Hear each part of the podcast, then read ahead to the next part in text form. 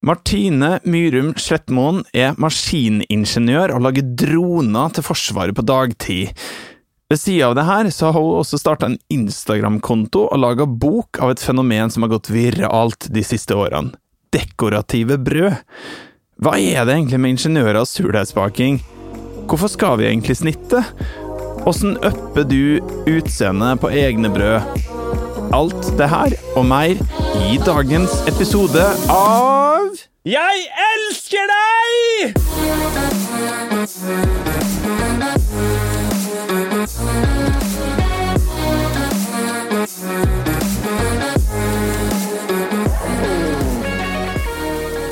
Denne episodens annonsør er Holly Mølle. For er det én ting du vil lære deg i denne podkasten, så er det at mel ikke er mel.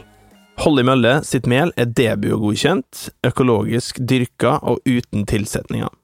Da jeg starta Daglig Brød for seks år siden, så var Holly Mølle selvskreven leverandør av melet jeg bakte med. Å kunne lese navnet til bonden som dyrka kornet på sekkene, og vite at melet var skånsomt malt med steinkvern på Spydeberg, bare noen få mil fra bakeriet mitt, smakte godt, ikke bare i det ferdige brødet. Om du er nysgjerrig på urkorn, surdeigsbaking, økologisk mel, eller bare har lyst til å lage et brød med andre smaksnyanser og bakeegenskaper enn det du bruker til vanlig, anbefaler dette melet på det varmeste. De har også både ferdige bakemikser og perlespelt som du kan koke opp som erstatning for ris i middagen din. Hvis du bor i Kirkenes, kan du stikke innom Life på Amfi i Kirkenes. Bor du i Kristiansand, finner du medlemmers på Sunnkost i Markens. Og innimellom her finner du en drøss med Coop Mega, Meny, helsekostbutikker og kule nisjeforretninger som fører produktene deres. Sjekk ut holly-molle.no for å finne ut mer om det her spennende melet som noen av landets beste bakere og kokker har trykt til sitt bryst, og ikke minst en full oversikt over hvor du kan få kjøpt det. Takk til Hollemellet. Da jeg begynte å bake for snart 20 år siden, så var det en ordinær gaffel fra bestikkskuffa jeg brukte når jeg skulle sette siste finishing touch på brødet. For sju år siden, da jeg for alvor oppdaga surdeigsbaking, forsto jeg etter kort tid at det var mye som kunne gjøres for å løfte det visuelle aspektet av brødbaking. Snitting, topping, stensilering, the list goes on, og kreativiteten er det eneste som egentlig setter noen grenser. Med meg i dag så har jeg med meg ei dame som har satt standarden for kreativitet i det norske hjemmebakelandskapet. Hun har rett og slett gjort brød til en kunstform. Og ukentlig så deler hun raust med sine følgere på Instagram under pseudonymet Skillebekk surdeig, ikke bare hvordan de kan lage finere brød, men hvordan de kan få surdeigstarteren i gang, og alt imellom der. Martine Myrum Slettmoen er så utrolig glad for at det finnes så rause hjemmebakere som det, og ikke minst hjertelig velkommen til studio. Det her har jeg gleda meg til. Tusen takk, veldig hyggelig å være her. Ja, mm. du, eh, først av alt, nå har vi jo forstått at uh, du har gjort uh, brød til kunstform. Det skal vi snakke mye om i dag. Yeah. Men først og fremst, hva, hva gjør du sånn uh, fra åtte til fire? Ja, da gjør jeg noe helt annet, egentlig. Jeg jobber som maskiningeniør i et firma som leverer droner til Forsvaret. Så, men det er en produktutviklingsjobb, da, så er det et kreativt yrke på mange måter. Men det er også litt, sånn, litt mer eh, teknisk og litt annerledes enn baking, sånn man ser det for seg. Ja, for at umiddelbart så, så tenkte jeg jo ikke at det var noe rart i det hele tatt at du var ingeniør, fordi at 50% av alle surdeigsbakere virker jo å være ingeniører, i hvert fall hvis ja, man skal tro på internett. Ja, av en merkelig grunn. Ja, så, har snakka veldig mye om surdeigsbaking i lunsjen på jobb, f.eks. Det er veldig mange andre som driver med surdeigsbaking der, og som drev med det lenge før jeg begynte med det, og så har jeg fått noen andre på jobb til å begynne med det. Ja. Så vi kan snakke mye om baking der også, selv om Ja, vi egentlig ja. jobber med noe helt annet. Så av en eller annen grunn så er det mange ingeniører som liker surdeigsbaking, eller baking og matlagning, og jeg vet ikke om det er en eller annen sånn nerdeting ved det som bare appellerer til uh, ingeniører, eller ja, jeg vet ikke. Men det, det har Altså, jeg har jo hele tida tenkt at det, det, har noe med den her liksom Den venstre hjernen, da, holdt på å si, den her analytiske greia, det med altså Man ser liksom YouTube-video etter YouTube-video med de her ingeniørbakerne, som jeg kaller dem yeah, for. Yeah. Nå får vi se om du gjør med den klubben, men som lager eh, Som lager liksom skjemaer og Gantt-diagrammer og, og deduktiv metode for å liksom finne fram til liksom, ok, hvordan får vi liksom det perfekte hevede brødet kombinert med den perfekte farga etc. Mens du har jo liksom gått all in uh, artsy. Ja, ja, det er ikke egentlig den der eh, veldig sånn detaljerte uh, nerdingen. Det er ikke kjemien som dro det er dro ikke det inn i kjemien som eh, fascinerte meg, det er den kreative aspektet ved det.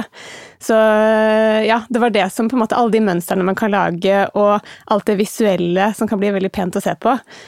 Eh, det var det som fascinerte meg, sånn at jeg er jo mye mer opptatt av, å- gjøre et brød fint å se på, egentlig, enn at det skal være helt perfekt på innsiden, som mange andre er veldig opptatt av. Selvfølgelig så er jo smaken viktig, og det er jo det som er unikt med surdeigsbaking, eh, som gjør det veldig bra, at smaken er helt unik.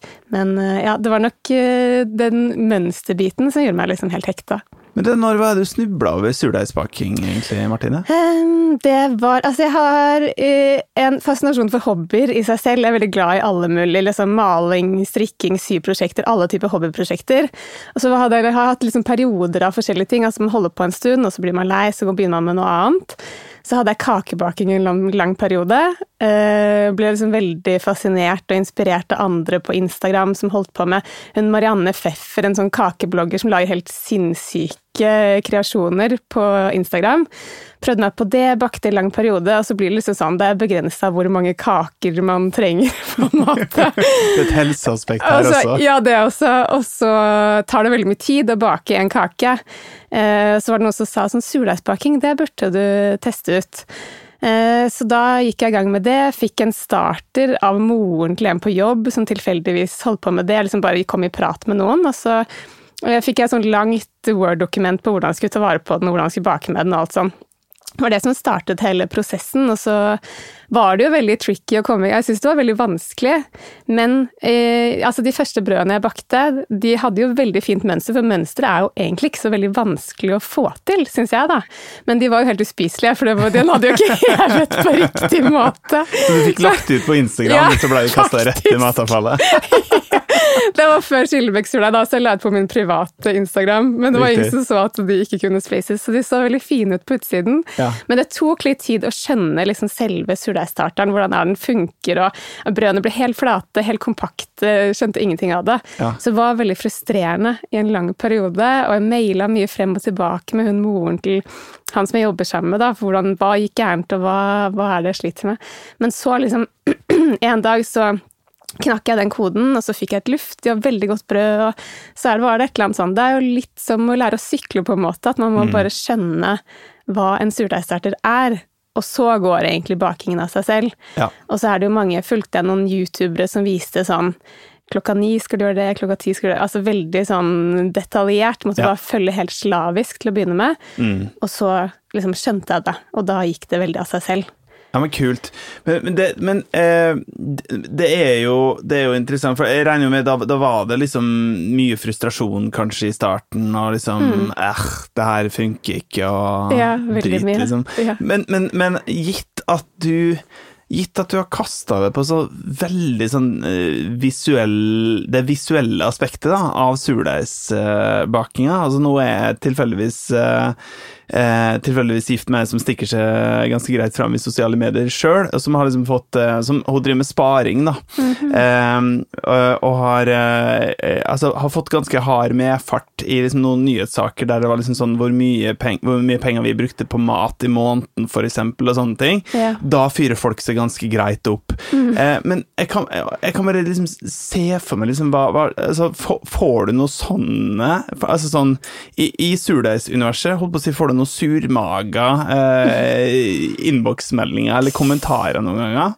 Veldig lite, skal jeg si. Det mest er det spørsmål om, fra frustrerte bakere som ikke skjønner hva gjør jeg feil, skriver ofte bare en sånn kort setning 'dette skjedde, hva gjorde jeg feil?' Akkurat som at jeg skulle sitte på Akkurat som jeg skulle vite. Du er både brødbaker og klarsynt. Ja. så det er ofte veldig vanskelig å svare på alle spørsmålene jeg får. Så jeg tror kanskje det dekker over alt det andre Nei, jeg får veldig lite negativ tilbakemelding, egentlig. Ja. Så ja, gjerne okay, fortsett med det. Så brødbaking, det trigger ikke den fasadeallergien da, til, nei, til nei. folk? Nei, jeg tror ikke folk blir irritert av å nei. se liksom uh, pene mønstre på brød. Jeg tror de bare har lyst til å få til det samme selv. Ja. Så nei, jeg tror ikke foreløpig ikke noe provoserende ved det, tror jeg. ikke noe hatbrev i posten, eller? Nei. nei. Åh, det er godt å høre, da. Da er, ja. da er folk nysgjerrige. Og så virker det jo som at du har gjort en god jobb da, med, liksom, eh, med å ikke bare vise hva du har fått til, men, men hele tida liksom, ta med folk på reisen og vise ok, men sånn kan du faktisk få det til òg, da. Og mm. ufarliggjort det litt. Grann. Ja, og, og det også er jo litt sånn unikt, altså, med, med at du, du, du gjør du, du, du, alminneliggjør egentlig noe som er veldig lett å på en måte dra ut i det vide og brede, og virkelig gjøre mm. Lage lange Word-dokument ut av. da. Ja, ja, og hvis du lager sånn Excel-ark med forskjellig prosentvis salt og vannmengde og alt sånt, så blir det veldig eh, Kan det bli altfor detaljert og altfor vanskelig å skjønne til å begynne med. Så jeg laget en sånn how to-video på Instagram som har vært veldig populær, som viser bare sånn ok, nå mater du surdeigen på det tidspunktet, så setter du deg inn, så bretter du, og så steker du. At det, veldig, at det blir veldig mm, ja, visuelt og enkelt å skjønne via film istedenfor bare tekst, kanskje. Hvorfor skal vi egentlig snitte? Ja, det er et godt spørsmål. Jeg syns jo det er veldig gøy, da, først og fremst, og at det blir bare jeg vet ikke. Det er noe litt sånn terapeutisk og litt deilig over å holde på med det. Altså, det er bare sånn det er, det er som å strikke. Altså, Hvorfor skal man strikke en genser? Du kan jo bare kjøpe den ferdig. Så kan, Det er bare en måte å lage det litt mer sånn visuelt og morsomt på, og få ut litt kreative vet ikke, needs. Altså at man bare får brukt den kreative delen av seg litt i matlagning. Og det er en veldig enkel måte å gjøre brødbaking morsommere på. Så det fins vel ikke noen sånn kjempegod grunn til hvorfor man skal ha snitte, skal jeg være helt ærlig. Men jeg bare syns det er en veldig morsom måte å lage fine brød på. Ja. Så ja.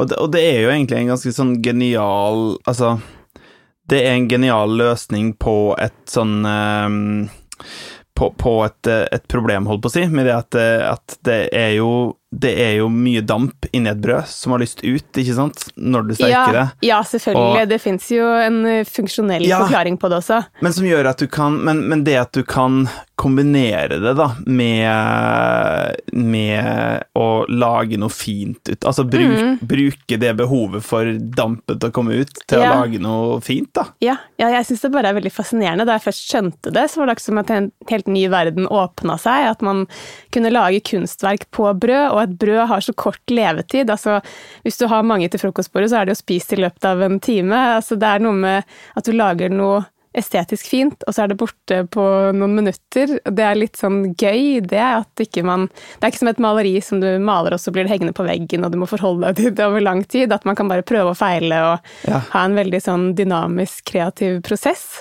som jeg syns er litt gøy. Men selvfølgelig så er det jo det funksjonelle med at hvis du ikke snitrer i det hele tatt, så sprekker jo bare brødet opp helt vilkårlig. altså Du aner jo ikke hvordan det kommer til å se ut. sånn det er jo det at du får kontroll på hevingen også, som er liksom en årsak til at du faktisk burde gjøre det. da. Og at eh, de brødene man kjøper i butikken, det er jo laget et stort snitt for at det skal heve seg sånn man vil at det skal heve seg.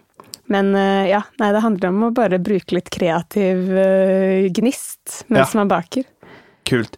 Er, er du Altså, eh, hvordan tenker du når du, når du snitter et, eh, et brød? Er det, er det liksom, venter du på at liksom brødet skal tale til det når du har det liksom foran deg på, på kjøkkenbenken, eller har du en klar tanke når du går i gang?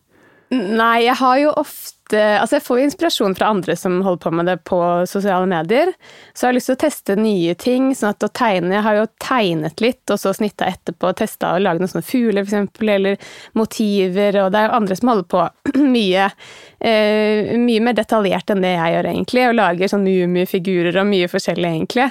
Men eh, ja, nei, det, jeg vet ikke det er jo ofte at jeg kutter et mønster som jeg har laget før, og så vil jeg få det til på en annen måte, eller Eh, ja, jeg står og grubler litt før jeg gjør det. Det er ikke sånn at det bare kommer til meg, egentlig. Jeg må liksom tenke litt hva jeg har. Og så har jeg jo et lite sånn register uh, i den boka som jeg ga ut i februar. Følg litt reklame for den også. Ja, ja, ja. Nå, blir, ja. Nå, slipper du å få Forbrukertilsynet på, på nakken også, for du sa at det var reklame for egen bok. Ja, nettopp. Kudos. Takk.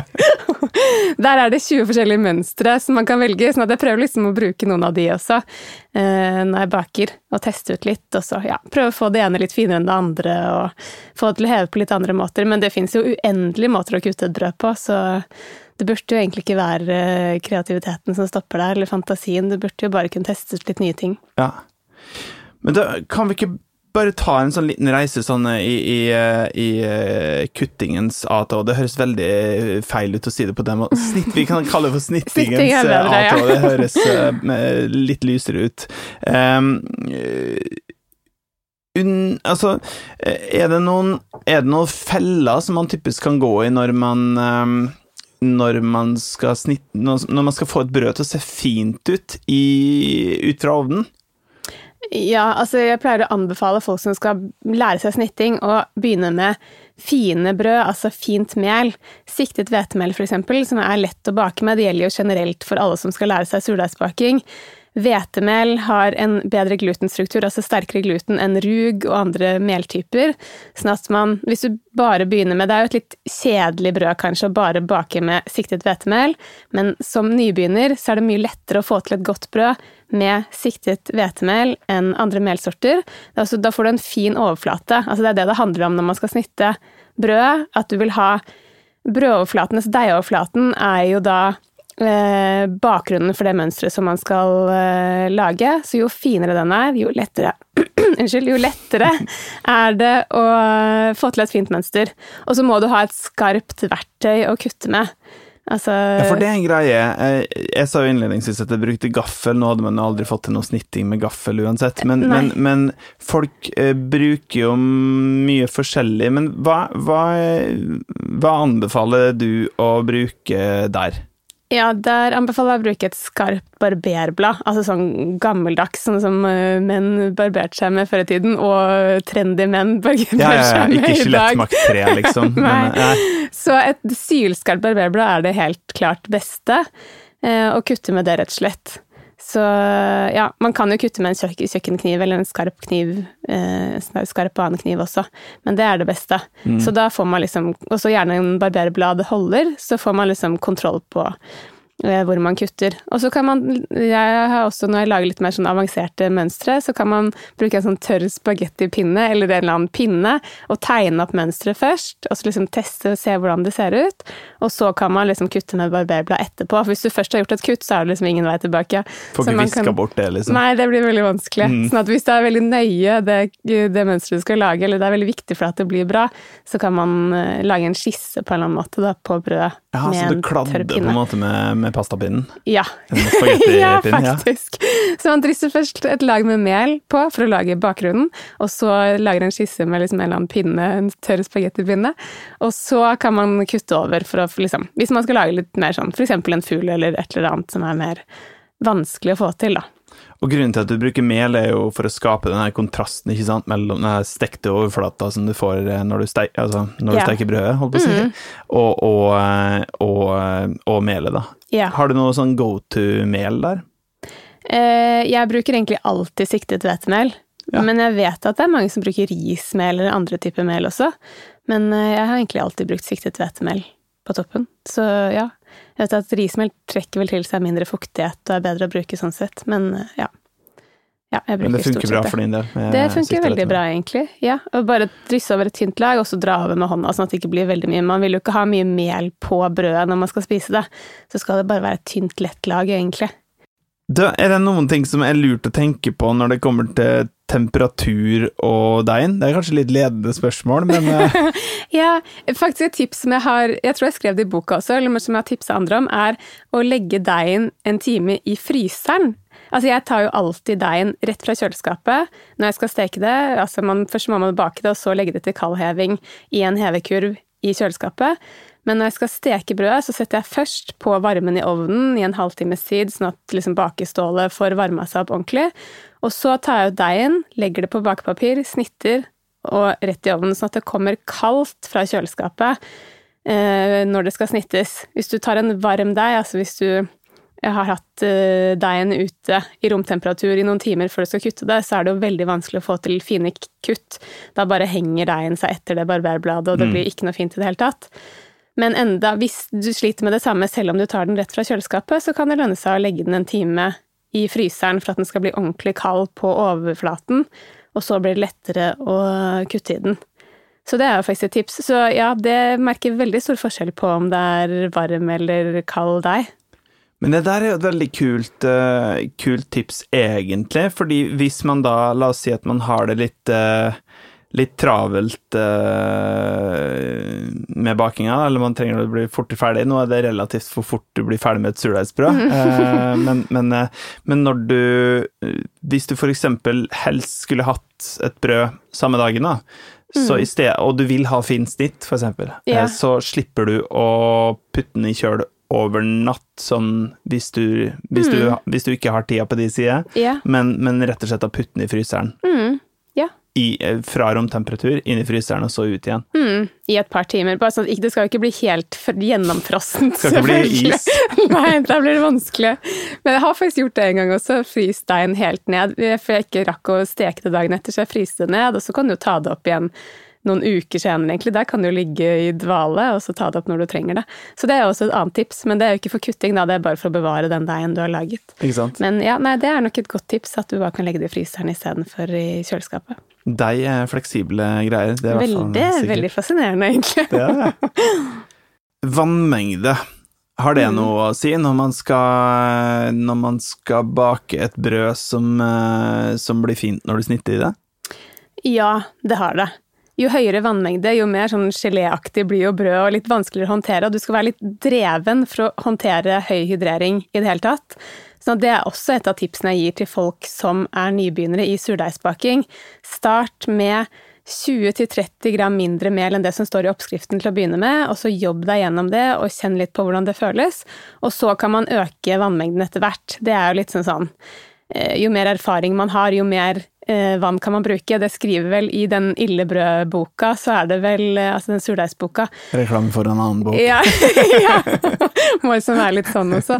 Men der er vel Og alle oppskriftene, liksom Du kan bruke litt hvor mye vann du vil, nesten. Altså det er ikke noe sånn fasit på hvor mye vann man skal bruke. Og sånn er det jo litt i baking, at man eh, anpasser litt. Og så er det jo Forskjellige mel tar jo opp ulik vannmengde også, så man må liksom bli litt kjent med den meltypen man forholder seg til, og tilpasse vannmengden. Så det er jo Jeg skjønner jo hvorfor folk nerder med Excel-ark i det her, fordi du blir jo litt sånn gæren av å ikke ha noe fasit, egentlig. Det er kanskje derfor ingeniører går til verks med Excel-ark, fordi man er så avhengig av det fasitsvaret. Så man må liksom finne det selv. Eh, men det Men har er du en, har du en sånn Uh, har, har, du, har, du, persa på, uh, på hydrering med, med, tanke på liksom å få til fint snitt? Har Nei, sånn det har jeg faktisk ikke. Det visste jeg ikke at var en greie. Nei, ikke jeg heller. Men vi kan sette i gang uh, nå. hva kan vi kalle den hashtagen? hydrerings hydreringspersing. Ja. det er sikkert ikke tatt, den hashtagen. nei, men noen har sikkert gjort det, hatt en sånn konkurranse. Ja. ja. Nei, det har jeg ikke. Jeg pleier som regel å gå for 75 eh, vannmengde. Eh, Bevega meg opp mot 80, men aldri noe over 80. Det syns jeg blir liksom litt for vanskelig å jobbe med. Får det liksom ikke helt kanskje til å heve like bra som mindre vannmengde, så kanskje ikke jeg er så dreven på akkurat det. Men det kommer jo helt an på Nå syns du du er urimelig ydmyk. Men eh, jeg vet ikke. Nei, jeg har ikke, jeg har ikke gått sånn veldig til verks på hvor høy vannmengde man kan klare. Men eh, altså, jo mer du jobber med deigen, jo mer hydrering du får, jo mer altså, jo luftigere krumme kan du få til. Og det er jo mange gevinster ved å gå liksom grundig til verks der, da. Så ja. Men er det ikke her det her eh, liksom, dybden på snitt snittspille inn eh, også. Jobber du mye med det? Liksom, hvor, hvor, dypt du går når du snitter? Ja, der anbefaler jeg å gå mindre dypt der du skal ha mønster. Det er ofte sånn at jeg har ett stort kutt på én side, sånn at hevingen stort sett kan foregå der. Og så har du mindre dype kutt på den andre siden, hvor mønsteret skal være, sånn at det kommer liksom tydelig frem. Og så, hvis du har ukontrollert heving i brødet ditt, da, så er det det store kuttet som liksom håndterer den Som får julingen. hevingen. Ja, da får den julingen, og så kan mønsteret liksom leve sitt eget liv. Så ja, det er stor forskjell på mindre og mer dype kutt, ja.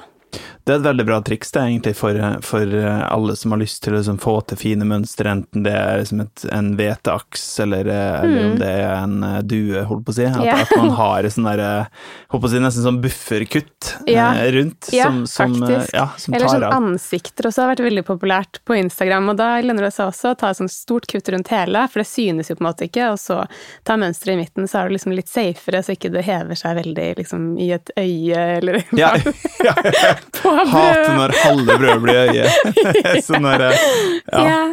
Så ja, nei, det er også et tips. Men ja, det er mye man må lære mens man går her, så man kan jo liksom ikke regne med at man må kunne alt fra start. Man må liksom prøve og feile og finne ut av litt ting selv også. Ja. ja, det gir mening, det. Mm. Og så eh, Vi, vi snakka jo litt grann om eh, Eller du nevnte det her med å bruke eh, sikta hvetemel i starten. Mm. For, å, for å få litt sånn Altså for å få safa inn resultatet, egentlig. Mm. Eh, men så sa du også at det er litt sånn kjedelig på smak hvis du bare kjører sikta vet, altså Da lager du jo egentlig loff. Mm. Eh, så på et tidspunkt så har man jo lyst til å kanskje prøve ut andre kornsorter og grovt eh, i forhold til sikta, altså den Mm. biten der. Eh, har, har du noen sånne herre har du noen tommefingerregler? Eh, Har du gjort deg noen erfaringer når det kommer til hvordan ulike Hvordan ulikt mel eh, reagerer på snitting, eller hvordan du snitter når du lager brød på spelt, eksempel, eller når du lager et brød med rug? Mm, altså, brød som eh, jeg lager mønster på, der har jeg ofte minimum 50% siktet enten spelt eller hvetemel, sånn at det ikke blir altfor grov overflate. Hvis jeg vil ha skikkelig grove brød, så lager jeg det gjerne i en form, altså en brødform, og ikke har noe kutting i det hele tatt, og bare vil ha den, det grove brødet. Eh, Sånn at eh, jeg har vel ikke noe sånn veldig tips til at jeg kutter annerledes på andre brød, egentlig. Og at jeg putter gjerne inn kanskje 70-80 siktet enten hvetemel eller landhvete, eller siktet spelt fungerer også veldig bra, egentlig. Så at man ikke har altfor eh, stor prosentandel grovt eh, mel når du skal lage liksom, brød som skal ha mønster på, da. Mm. Så ja, jeg kutter nok ikke noe annerledes, egentlig. Mm, Altså mindre, mindre detaljerte mønster på grovere brød, men ellers ganske likt, egentlig. Mm. Ja, det gir mening, det. Jeg, jeg gjør ofte det samme, og altså, nå, nå har jeg det, Jeg fikk til ett brød på 100 eh, som var 100 eh, grovt. Reklame for egen Instagram-konto. Eh, men, eh, men hvor jeg klarte å få til en, eh, en decent eh, vedtaks. Så, men, men, men som hovedregel så er det nok Mm. Det er nok riktig, det, altså. At det, det er liksom jo, jo grovere det er, jo vanskeligere er det å få til liksom, de her veldig fine, Mm. delikate snittene. Det kommer jo litt an på hvor grovt det er også, men jeg vet ikke hva du mener med 100 grovt, Da det er det samme alt, kanskje. Ja, det er jo, Men- det er jo en egen podkastepisode, Ja. med grovhetsskalaen som vi er flaska opp eh, på. Ja, men, eh, men eh, ja, jeg kjøpte hvetekli, og så kjøpte jeg hvetekim, og så kjøpte jeg sikta hvetemel. Og så bare fordelte det sånn som det er fordelt i kornet. Oh, ja. Og så eh, toasta jeg eh, alt som ikke var sikta, sånn at jeg fikk bort alle enzymene og heiv opp i varmt vann og i det hele tatt. Mm. Eh, og så fikk jeg et eh, sånn halv, halvluftig brød, Ja, på, Yes. som på en måte egentlig ut ifra riktig definisjon er 100 ja, ja, ja. helkorn, da. Ja. Men eh, nå skal vi ikke snakke om, eh, Ja, om hørtes grovere veldig litt, men- ja, det, det, var, det var akkurat så avansert at det gikk, eh, gikk bra. Jeg, jeg er ikke noe sånn her eh, veldig velutvikla venstrehjerne sjøl. Jeg liker meg best i kreative hjørnet. Ja. Så men, man må pushe seg sjøl av og til. ja. Men ja, jeg, jeg, tror, eh, tror det er en Det er nok en god tommefingerregel, det her med å ikke ha det for grovt. Og så er det gøy å prøve seg, da. Mm. Men, men er det andre ting man kan gjøre, Martine, med, med brødet når det kommer til dekorasjon som ikke er snitting? Er det andre, er det andre muligheter? Hvilke muligheter finnes der ute? Eh, ja, det fins jo masse forskjellig. Man kan jo lage sånn gresskarbrød, eksempel, hvor du binder sånn tråd rundt brødet, og at det Ja, hever liksom på forskjellige en sånn forskjellig greie. måte. Ja, det er jo veldig gøy. Eh, Så det er en måte man kan gjøre. Eller du kan ha sånn sjablonger og legge over og drysse. Altså du kan først spraye litt vann på brøddeigen, og så legge en sjablong over, og så drysse mel over. Eller folk drysser kakaopulver eller andre typer sånn Eller maltmel som blir sånn Eller mørkbrent maltmel som blir sånn svart bakgrunn. Så det kan du også gjøre for å dekorere brød. Og sikkert ja, masse andre ting også. Men eh, ja, det var det jeg kom på akkurat nå. Så det er mye, mye kreativt man kan gjøre, og det kan man gjøre med boller eller rundstykker eller andre ting også. Så jeg har sett noen lage sånne små gresskarboller ved å tvinne sånn tråd rundt eh, bollene. Ser veldig gøy ut. Har lyst til å prøve det selv, egentlig. Ja, men det må du gjøre. Ja, Og så må du fortelle meg hvordan det ja, går, ja. for jeg kommer ikke Følg til å med på. Instagram, så ser du. Så kult. Det, Ja. det, ja, de ser jo veldig kule ut, de her gresskarbrødene med Ja. Mm. Jeg trodde ikke at det gikk an å snakke så mye om snitting, Martine, men eh, det har du eh, motbevist. Vi kunne sikkert mm. snakka en eh, time til om det. Ja, ja, ja. Men, men folk må på jobb, eller folk må komme hjem til middag. Så, så vi, vi er ved veis ende for den gangen her. Men, men bare en sånn siste et siste hjertesukk på vegne av eh, trippende husmødre, husfedre, eh, huspersoner eh, og, og ellers folk i leilighetene. Har jeg tatt med alle sammen. Eh, som, som står og kjenner seg veldig inspirert nå for å uppe snittegamet på hjemmebane, men som også syns det er litt sånn skremmende, fordi man er redd for å, for å ikke få det til. Har du, har du, du Du er jo en inspirator av rang, Martine. Kan du ikke, kan du ikke kjøre på med en appell til dem nå, Ja. helt på tampen her? Ja. Eh, jeg tenker ikke gi det. Altså For det første, snitting er ikke vanskelig. Det prøver jeg å si om surdeigsbaking også. Dette er ikke vanskelig. Det er som å lære seg alle mulige andre ting som man har fått til, som man har tenkt sånn Det ser vanskelig ut å lære å sykle, men når du har lært å sykle, så er det veldig lett. Det går av seg selv. Og akkurat det samme gjelder både med surdeigsbaking og med snitting. Sørg for å ha liksom riktig verktøy, de tingene vi har snakket om, ha en litt kald deig. Eh, har liksom gjort bitte litt research, og så går det egentlig av seg selv. Da er det bare å bruke kreativiteten. Eh, søk litt inspirasjon på Instagram eller andre steder, og så bare gå i gang. Dette her er ikke vanskelig, alle kan få det til. Alle kan få fine mønstre og fine brød. Og da blir det litt gøy, litt mer gøy å spise frokost, eller å servere frokost til noen du er glad i. Kult. Hva kan folk eh, gjøre for å komme i kontakt eh, med det, hvis man har lyst til å skryte av eh, hvor fine brød man har fått til etter Ja, denne da blir jeg her? veldig glad hvis du hashtagger Skillebekk-surdeig på Instagram, eller andre sosiale medier, vi er på Facebook også. Så ja, det er kjempegøy. Send meldinger eller tagg Skillebekk-surdeig, så får jeg med meg alt som blir bakt der ute, med inspirasjon fra denne podkasten eller fra Skillebekk-surdeig Instagram generelt. Så ja, veldig morsomt hvis folk gjør det. Det her var veldig inspirerende, Martine. Nå tror jeg det er mange som er klare for å eh, get to work eh, hjemme på kjøkkenbenken og lage flotte brød i de tusen hjem. Så da gjenstår det egentlig bare for meg å si 'jeg elsker deg'. Jeg elsker deg også. Likte du det du hørte? Dryss noen stjerner i ratingen og legg igjen en kommentar på hva du likte med podkasten, så blir jeg kjempeglad. Kjenner du også noen som kan ha glede av det her, utover deg sjøl? Send dem en link på melding eller på mail, så de kan få lov å ta del i brødrevolusjonen sammen med oss andre. Og ikke glem å sjekke ut jegelskerdeg.no. Der kan du legge inn spørsmål og bli månedlig medlem i Brødvinnerne hvis du ønsker å ta bakinga di enda lengre. Det var alt for i dag. Vi bakes!